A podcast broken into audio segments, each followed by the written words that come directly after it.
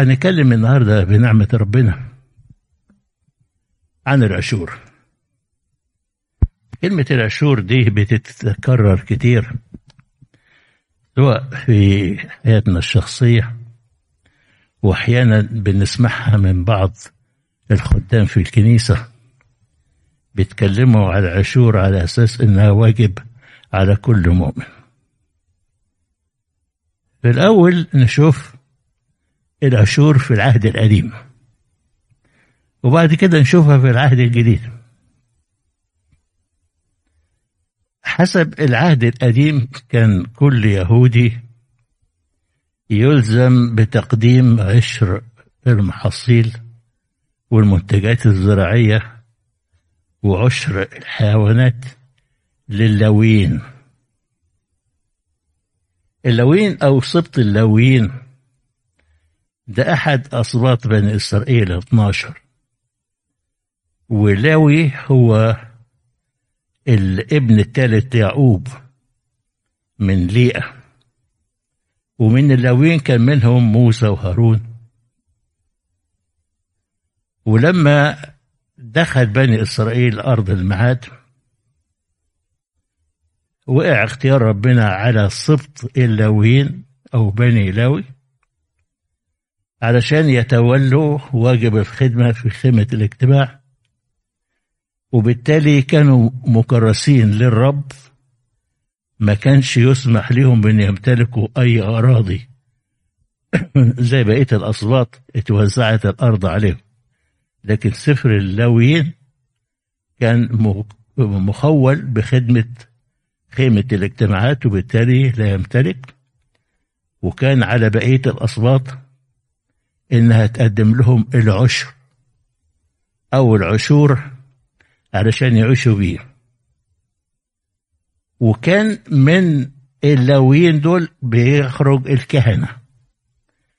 فكان اللاويين من العشر اللي بياخدوه يدوا عشر من العشر للكهنة والموضوع ده ورد في سفر العدد وفي سفر التثنية كان اليهودي يلتزم بتقديم عشر المحاصيل الزراعية ومنتجات الأرض والحبوب وثمر الأشجار وعشر الحيوانات كمان اللي بيمتلكها. كان طريقة عشر الحيوانات حسب ما ورد في العهد القديم بيسميها اللي تحت العصا.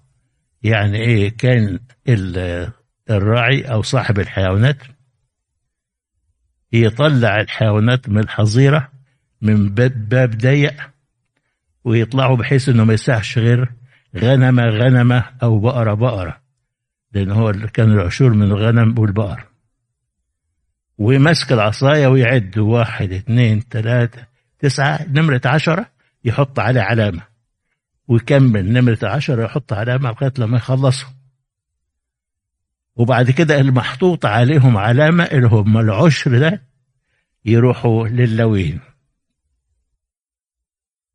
وكان في شرط إنه ما فيش نقاوة. يعني ما يجيش على الغنمة الضعيفة ولا التعبانة ويديها ربنا. هو بيعد بالعصاية كده من غير حاجة. اللي تيجي عليها نمرة عشرة ياخدها ياخدها ولو جه طمع وغير كان القانون يلزمه بأن هو يدفع غنمة تاني على الغنمة العشرة دي يعني زي غرامة خمسين في المية. بيقول في سفر اللوين لا يفحص أحد أجيد هو أم رديء ولا يبدله. وبعد كده كان يسمح أحيانا بالنسبة للمحاصيل الزراعية إن هو يستبدلها بدل ما هي عينا بتبقى نقدا. لما كانت في مسافات طويلة وعلى ما ينقلوا المحاصيل بالطرق البدائية اللي كانت في الوقت ده كان ممكن بتبوظ خصوصا إذا كانت خضروات. وكان لازم يروح يقدمها في أورشليم يعني اللي في الجليل بياخد أربع أيام لغاية لما يوصل.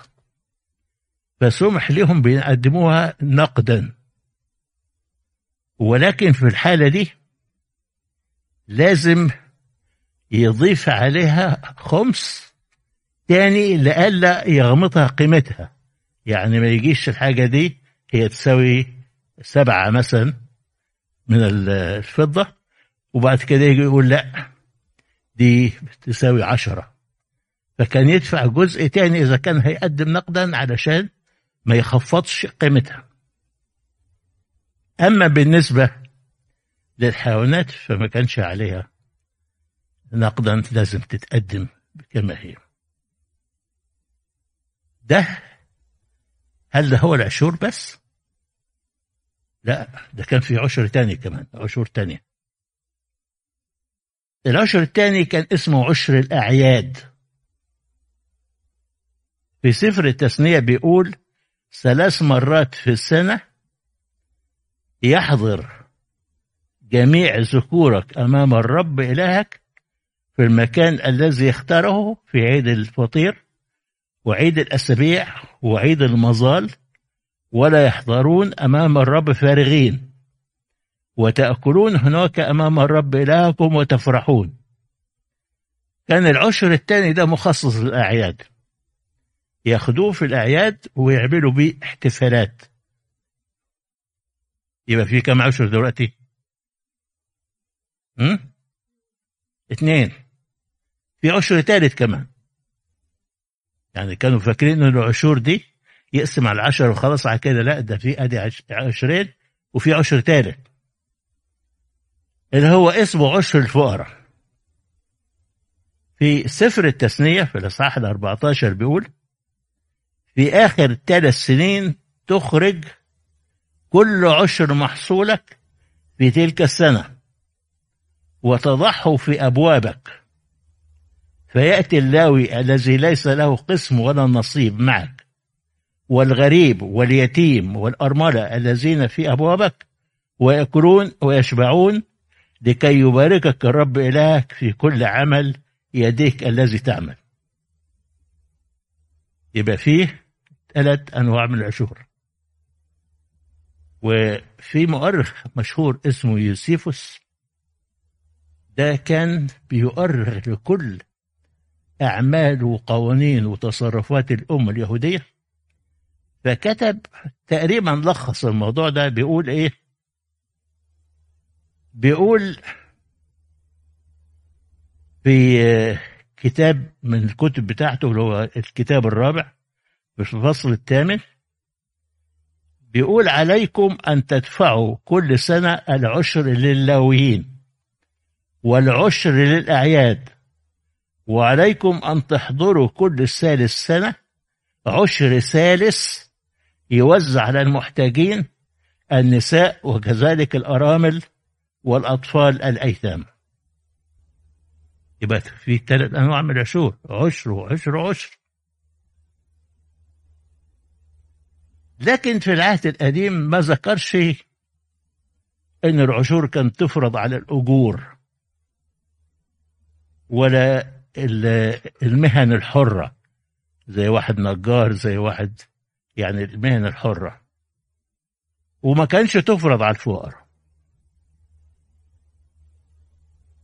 هل بس كده دي الفرائض اللي كانت في العهد القديم اللي هي عن العطاء أو تبرع أو سموها زي ما عايزين تسموها. لا ده كان في حاجات تاني كمان. في سفر اللوين بيقول وعندما تحصدون حصيد أرضكم لا تكمل زوايا حقلك في الحصاد ولقاط حصيدك لا تلتقط وكرمك لا تعلله ونثار كرمك لا تلتقط للمسكين والغريب تتركه. يعني إيه؟ يعني الحقل نفترض إن هو مربع كده أو مستطيل أو أي شكل. لما يجي يحصد ما يوصلش لغاية الآخر ويلف لا يروح عامل كيرف عشان يسيب الحتة في الزوايا دي للفقراء. وهو بيحمل المحصول ممكن بيقع منه ما تلتقطوش تسيبه للفقير. وإذا أنت حملت محصولك وبعد كده افتكرت إنك أنت نسيت حزمة ولكن حزمة ما ترجعش تاخدها. دي تتساب للفقير. وبالنسبة للكروم لما تيجي تجمع الكروم ما تنقيش أو ما تقطعش ما تقطفش. العناقيد كلها لا تسيب شوية منها للفقير ولما تيجي تجمع الزيتون أشجار الزيتون كانوا يجمعوه بعصا طويلة كده يضربوا بيها الأغصان فيقع الزيتون. يقول لك ما تفضلش تصفصفها كده على الآخر. لازم تسيب فيها عشان الفقير. يبقى دلوقتي إيه؟ كم نوع؟ فاكرينه في حاجة تاني. كان في شريعة اليهود إنه السنة السابعة ما يزرعوش الأرض يريحوها. في السنة السابعة دي ممكن تنمو نباتات آه إنه يكون ساعة لما جمعوا اخر محصول وقع شوية بذور نبتت لوحدها لأي سبب يعني. يقول لك دي ما تاخدهاش دي للفقراء.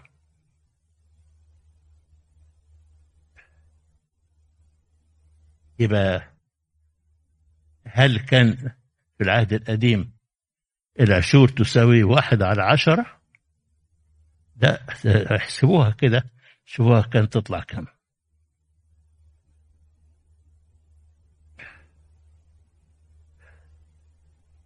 في حاجة ذكرها الكتاب المقدس. دي العشور ده بالقانون اللي إحنا قلناه بالقانون اللي يسموه الناموس. بالقانون بالأمر واللي ما يعملش كده عليه عقوبة. لكن الكتاب المقدس ذكر لنا بعض أنواع العشور الطواعية.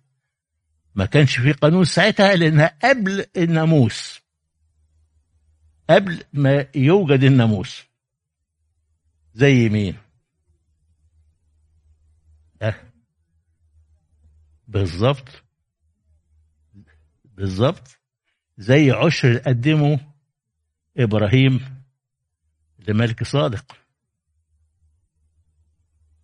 وفي كمان حاجة تاني موجودة في سفر التكوين يعقوب لما ظهر له السلم وأقام حجر هناك وبعد كده قال ربنا إيه؟ ولما ربنا إداله وعد بان هو يملكه على الأرض ويكسر نسله إلى آخره قال له كل ما تعطيني فإني أعشره لك. دي كانت عشور تطوعية في العهد القديم من إنها كانت قبل الناموس. نيجي للعهد الجديد. في عشور في العهد الجديد؟ أنا كنت سامع بدري حد بيقول آه. لما مريم كان بتقدم الكلمة. طيب. هنشوف. شوف الكتاب هو كلامنا هو من الكتاب المقدس. في العهد الجديد السيد المسيح غير مفهوم العشور تماما عن المفهوم لها في العهد القديم. من ناحية الكم ومن ناحية الكيف حتى من ناحية الاسم. في العظة على الجبل اللي هي في بداية خدمة السيد المسيح الجهارية اللي هي تعتبر أساس شريعة العهد الجديد. اتكلم عن الأمور الروحية المختصة بالإنسان الصوم والصلاة وإلى آخره. ولما جه اتكلم عن الفروض اللي كانت موجودة في ناموس العهد القديم. كان يذكر اسم الفضيلة زي الصوم مثلا وزي الصلاة وغير مفاهيمه لأنه كانوا زمان بيصلوا مثلا في الزوايا وفي الأسواق عشان الناس تشوفهم. ابتدى يتكلم عن الصلاة في الخفاء إلى آخره يعني. واتكلم عن الطلاق واتكلم عن حاجات كتير. ولكن السيد المسيح لم ترد العشور على كلام السيد المسيح اطلاقا. ما جابش سيرة عشور ابدا في كلامه.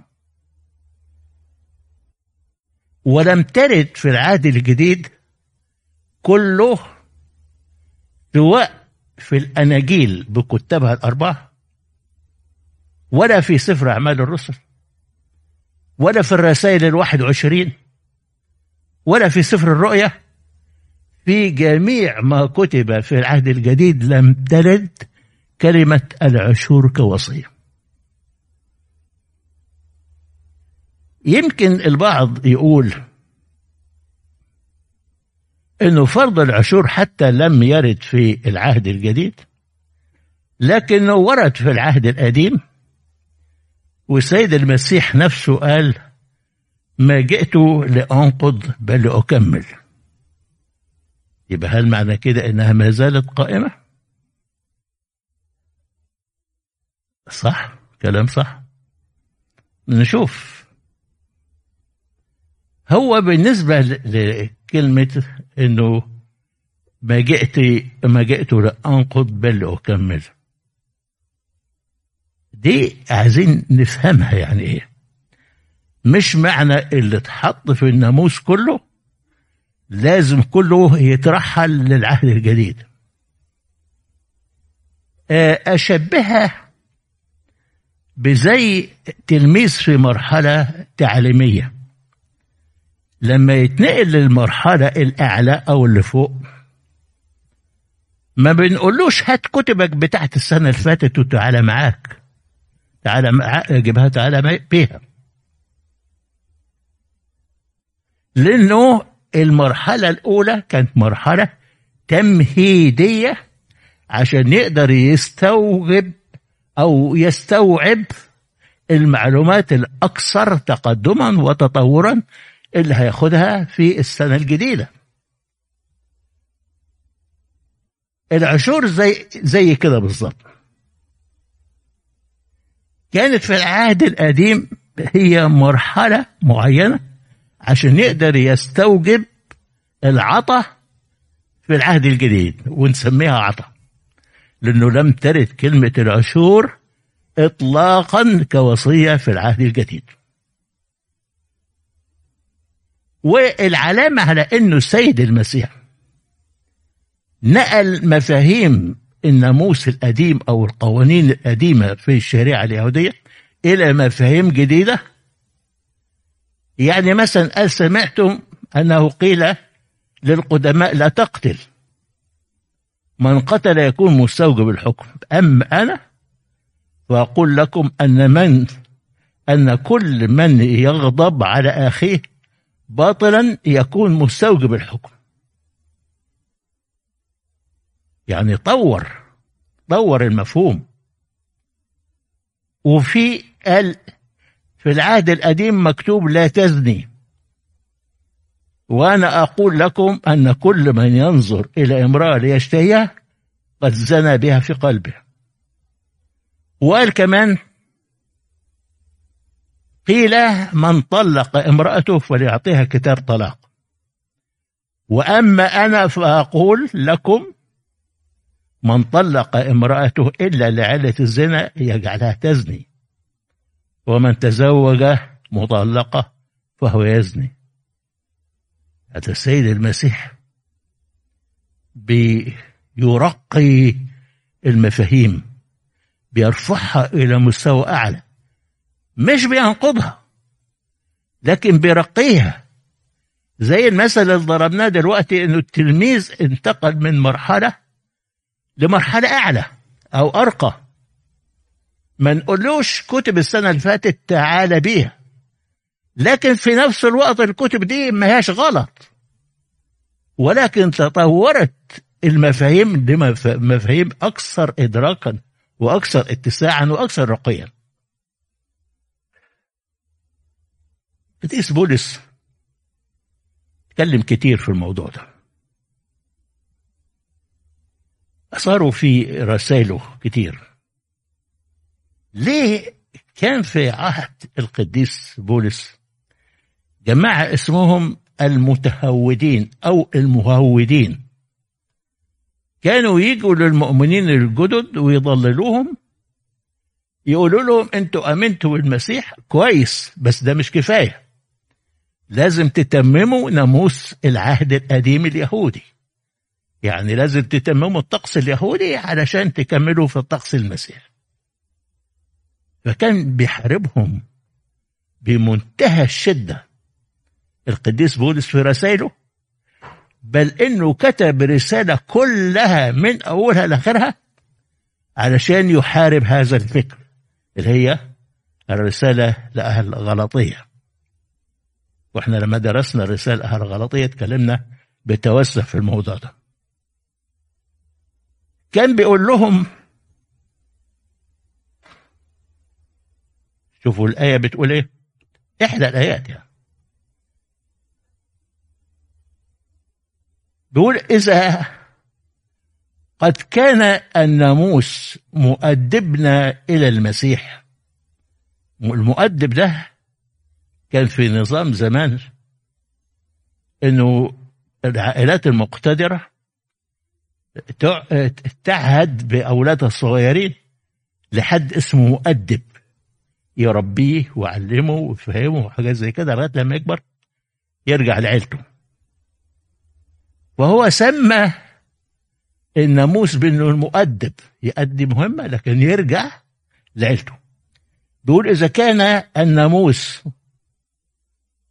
مؤدبنا إلى المسيح لكي نتبرر بالإيمان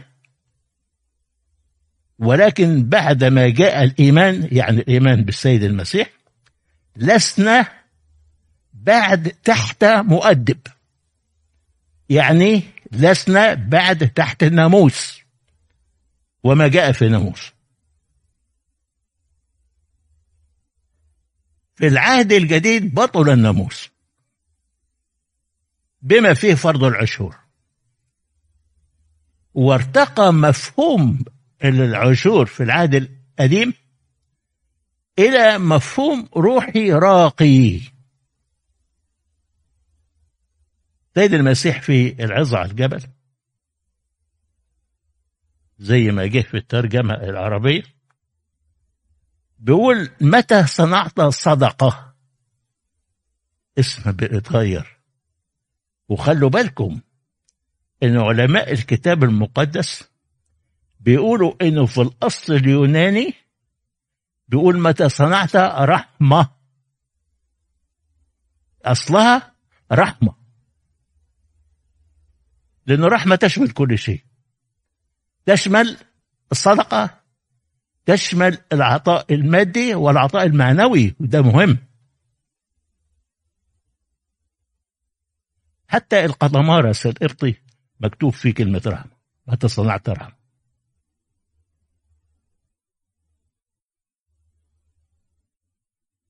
الكنيسة حتى لما بتطوب الإنسان اللي بيعطي المساكين بتقول إيه؟ طوبى للرحمة على المساكين. سميها رحمة. العشور في العهد القديم كان فرض ينفذ بحكم القانون. وكان الإنسان اللي بينفذه بيفتخر بأن هو عمله يبقى تم الناموس زي مين؟ زي الفريسي في مثل الفريسي والعشار. وقف الفريسي يفتخر بأنه يعشر كل ما يقتنيه.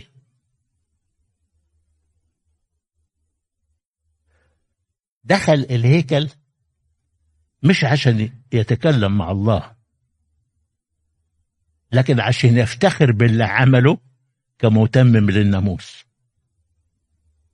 سيد المسيح أول حاجة غيرها في موضوع, العطاء اللي هو دلوقتي بقت اسمها العطاء. إن يكون في الخفاء يعني ما يكونش فيه علانية.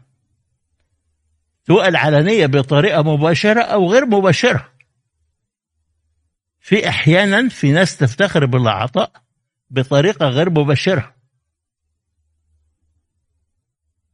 كنت أشوف في بعض الكنايس في مصر مثلا أيقونة على الحيطة كده مكتوب تحتها أذكر يا رب عبدك فلان الفلاني. أو ستر مكتوب كده من تحت أذكر يا رب عبدك فلان الفلاني. أو دكه محفور فيها اذكر يا رب عبدك فلان الفلاني يعني العامل عايز يقول يا ناس يا هو أنا عامل الحاجة دي.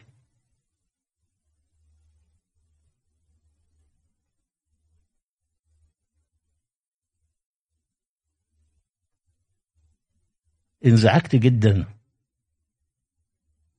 لما جاني إيميل من مدة أسبوعين ثلاثة من إحدى الكنايس هنا في أمريكا في ولاية تانية مش ميريل الكنيسة دي بتجدد الأيقونات بتاعت الكنيسة فعشان تشجع الناس كاتبين اللي هو هيساهم في عمل أيقونة هيكتبوا اسمه عليها. حزنت جدا لهذا المفهوم وبيصدر من الكنيسة نفسها.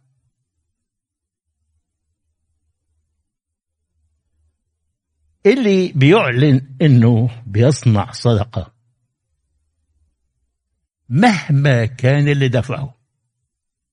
مش هياخد بركة العطاء. لأنه استوفى أجره. خلاص مش هياخد بركته. متى صنعت صدقة؟ فلا تصوت قدامك بالبوق كما يفعل المراؤون. في المجامع والأزقة لكي يمجدوا من الناس. الحق أقول لكم أنهم قد استوفوا أجرهم.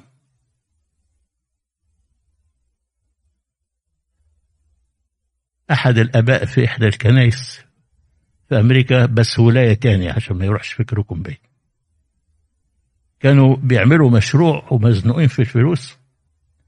فأحد الأثرياء طلبوا منه سلفة. لغاية لما يقدروا يجمعوها يردوها. فهو افتكر إنه عشان هيدي السلفة دي ابتدى يتدخل في كل أمور المبنى الجديد وعايز يفرض رأيه. ما خدوش برأيه. فراح طالبهم يرجعوا له السلفة وعليها فوائد. مفاهيم. بيقول لنا معلمنا بولس الرسول في رسالته الثانية لأهل كورنثوس كل واحد كما ينوي بقلبه ليس عن حزن أو اضطرار لأن المعطي المسرور يحبه الرب. في مفهوم جديد أهو إن العطاء ما يكونش عن اضطرار ولا عن قانون ولكن المعطي المسرور. كل الأمور العبادية بصفة عامة. في العهد الجديد ما فيهاش فرض ما عندناش فروض في المسيحية إطلاقا. ما عندناش في فرض صوم ولا في فرض صلاة ولا في فرض صدقة لا. كل أمورنا في العبادية في العهد الجديد بالمحبة بنعملها بالمحبة.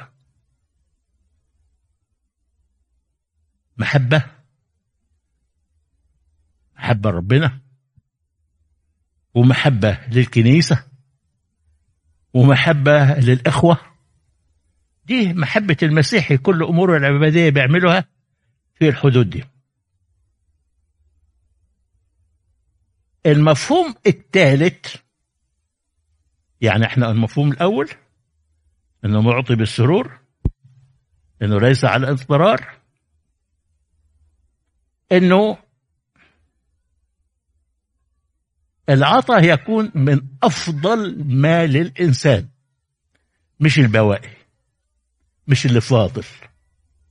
وإذا ما فضلش يبقى خلاص مفيش يبقى من أفضل ما للانسان يعني لو واحد جه يدي هدية لشخصية مهمة يقدر يديله بواقي اللي عنده ولا فضلات ولا هدوم القديمة؟ لا. يعمل إيه؟ التاني. يزعل يقطعه يأنبه. المفهوم الرابع إن العطاء في العهد الجديد هو شرف للمعطي شرف للمعطي. إن هو بيعطي بشرف. يعطي وعارف إن هو مش بيعطي ده هو فخر ليه وبركة ليه إن هو يعطي. السيد المسيح غير مفهوم في العطاء في العهد الجديد من ناحية الكيف اللي إحنا اتكلموا عنه عنه دلوقتي وأيضا من ناحية الكم. سيد المسيح بيقول اعطوا تعطوا. كلمة اعطوا مفتوحة. ملهاش حدود. ملهاش سيلينج ملهاش آه، حد أقصى. ولا حد أدنى.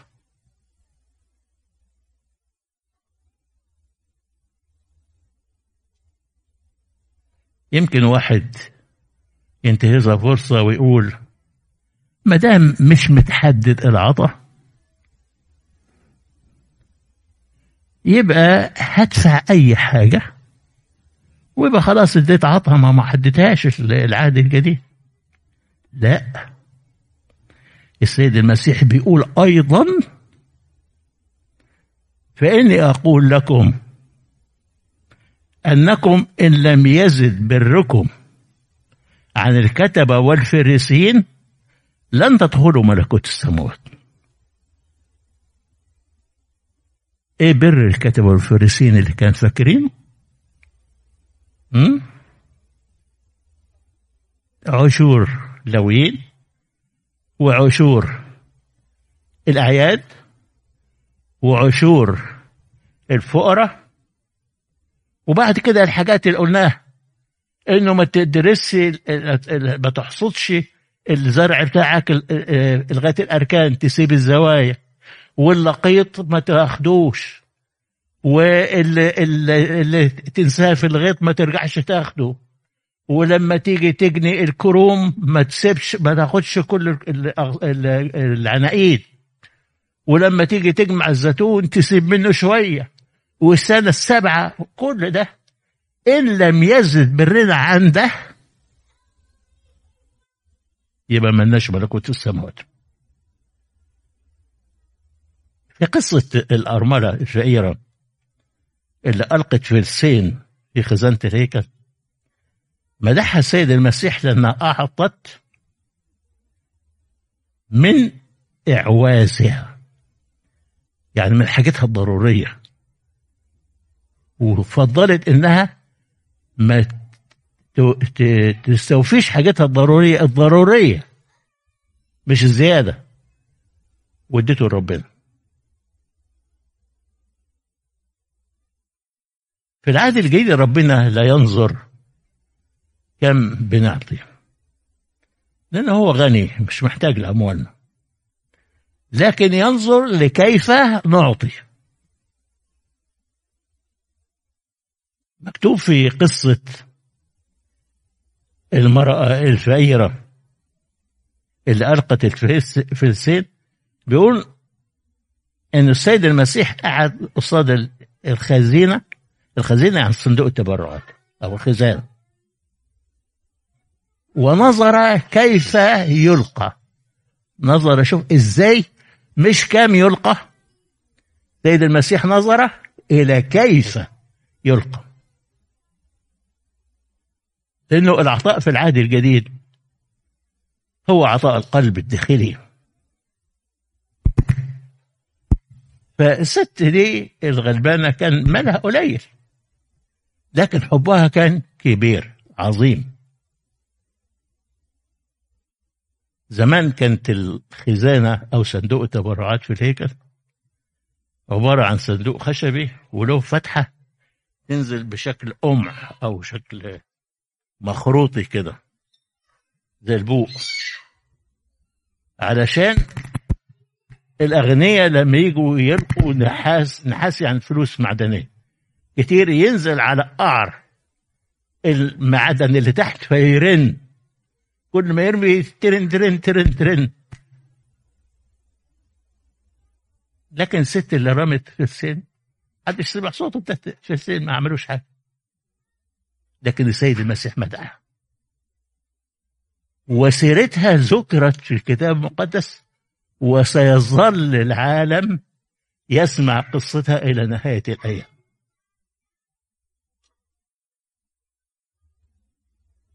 قال لهم السيد المسيح قال لتلاميذه الحق أقول لكم أن هذه الأرملة الفقيرة قد ألقت أكثر من جميع الذين ألقوا في الخزانة. الاثنين فلس أكتر من المبالغ اللي بتترمي وترن دي. عند ربنا كده. ربنا حساباته تختلف عن حسابات البشر. حسابات البشر واحد زائد واحد يساوي اتنين لكن حسابات ربنا بتختلف. ممكن واحد زائد واحد يساوي ثلاثة ويساوي خمسة ويساوي ألف ويساوي مليون.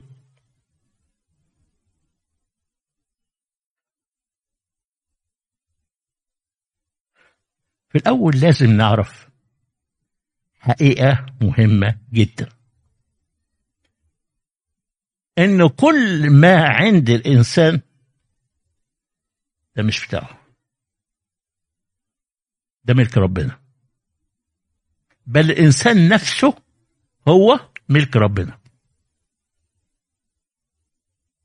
واللي عنده ده مجرد أمانة مؤتمن عليها. مرة كنت ماشي في الشارع وبعد كده لقيت أرض فضاء الأرض فضاء متعودين يعملها سور ويكتبوا عليها ملك فلان الفلاني عشان ما فيش نصابين يروحوا يبيعوها يعني. فقريت على الأرض دي مكتوب عليها كيف أقول ملكي؟ وأنا وما عندي ملك لله. الحج فلان الفلان الإنسان غير المسيحي فهمها الإنسان الغير المسيحي فهمها وللأسف كثيرين من المسيحيين مش فاهمينها. داود النبي عرف الحقيقة دي. فلما جه جهز حاجات الهيكل آلاف الوزنات من الذهب والفضة والحجر الكريم وغيره وغيره آلاف. نقرأ في في الكتاب المقدس في العهد القديم كميات رهيبة أو إيه حاجات فخمة جدا وثمينة جدا. وقف قدام ربنا وقال أيها الرب إلهنا كل هذه الثروة التي هيأناها ما قالش دفعناها. كل هذه الثروة التي هيأناها هيأناها لنبني لك بيتا لاسم قدسك. هي لك من يدك لك الكل. بيجي يقول برضه بيقول ولكن من أنا؟ ومن هو شعبي حتى نستطيع أن ننتدب هكذا؟ لأن منك الجميع من يدك وأعطيناك. من يدك وأعطيناك. الكنيسة الأولى فهمت هذه الحقيقة. وبيقول لنا سفر أعمال الرسل أن الذين كانوا أصحاب حقول أو بيوت كانوا يبيعونها ويأتون بأثمان المبيعات ويضعونها عند عند أرجل الرسل. الفلوس دي مكان الفلوس. عند أرجل الرسل.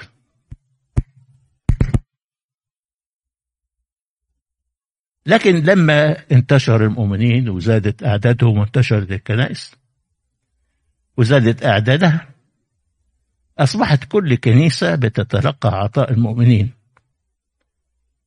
بالإضافة إلى عطاء المؤمن نفسه للآخرين من إخوته المحتاجين. بصفة عامة عطاء المسيحي في العهد الجديد غير محدود.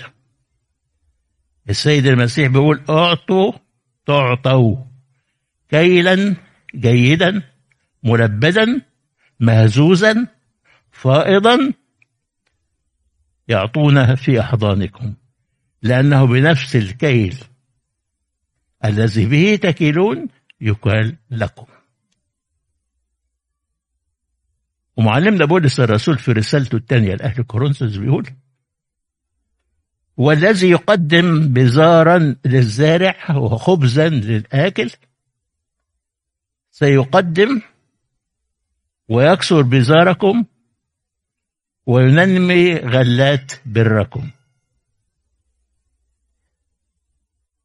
ما بحبش التعبير اللي بيقول إنه العطاء في المفهوم المسيحي حده الأدنى العشور. بحبش التعبير ده. برضو عايزين يلزقوا العهد القديم أو ناموس العهد القديم. في حرية أولاد الله في العهد الجديد. زي اللي بياخد رقعة من ثوب قديم يحطها على ثوب جديد زي ما قال السيد المسيح في المثل بتاعه. إحنا لسنا تحت حكم الناموس وفروضه. إحنا في حرية أبناء الله. وعطانا غير محكوم بحسابات ولا حد أدنى ولا حد أعلى ما, ما فيش حسابات. لأنه مسيحيتنا مش مسيحيه محاسبه مسيحيتنا مسيحيه زراعة مع الاعتذار للخارجين. خارجين محاسبة يعني.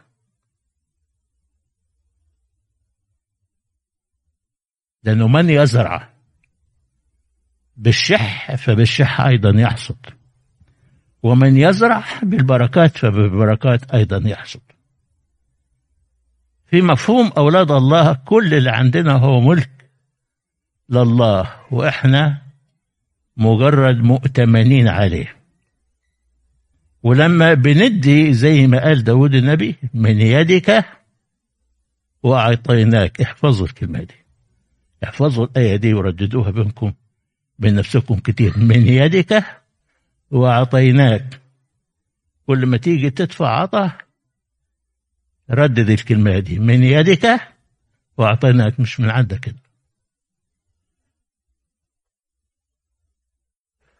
العطف المسيحية زي كل الأمور العبادية مش محسوب بحسابات لكن يكون بقدر المحبة. محبة لله وللإخوة. أرجو أن يكون وضح لينا الفرق بين مفهوم العشور اللي كانت فرض في ناموس العهد القديم وما بين العطاء المسيحي في حرية أبناء الله المخلصين. ليبارك الرب الكلمة لمجد اسمه القدوس الذي له كل كرامة ومجد إلى الأبد. أمين.